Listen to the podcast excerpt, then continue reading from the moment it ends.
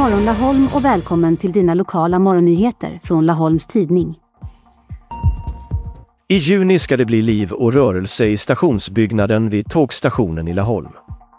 Begagnade böcker, godis och fika ska säljas till tågresenärerna. Verksamheten ska drivas som ett socialt ideellt företag. Tanken är att skapa aktivitet och rörelse i en frivillig verksamhet där vi också kan ha personer med olika funktionshinder, säger initiativtagaren Nils Danred. Förebilden är Pitlockry station bokshop i Skottland. Danred stötte på konceptet under en semesterresa i Skottland. Både han och hans fru köpte två böcker var. Jag tänkte att det här skulle vi ju kunna ha i Laholm och när jag kom med idén var det många som var positiva, säger Nils. Polisen fattade beslut om en fordonskontroll då man misstänkte att föraren inte var nykter.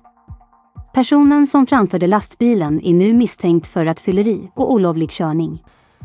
Mannen är misstänkt för rattfylleri genom alkohol.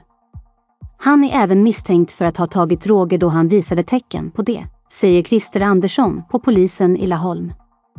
Föraren är dessutom misstänkt för olovlig körning då han framförde en lastbil som han inte hade behörighet att framföra. Fordonsstoppet gjordes längs länsväg 558 i höjd med Öringe. Under den gångna helgen har Knäredsskolan utsatts för skadegörelse. Vittne såg ungdomar på platsen vid tiden då skadegörelsen ska ha ägt rum. Det har krossats glas på skolgården, dragits ner stuprör från fastigheten och skadats en ventilationshuv på gymnastiksalens tak. Det har också sparkats sönder brädor på lusthuset. Det finns ett vittne i form av en som jobbar på skolan som iakttagit tre ungdomar på platsen vid den aktuella tiden, säger Christer Andersson på Laholmspolisen.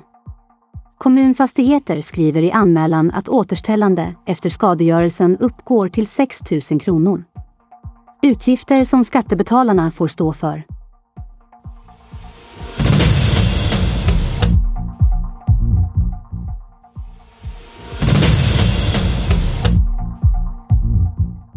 Det var allt vi hade att bjuda på idag.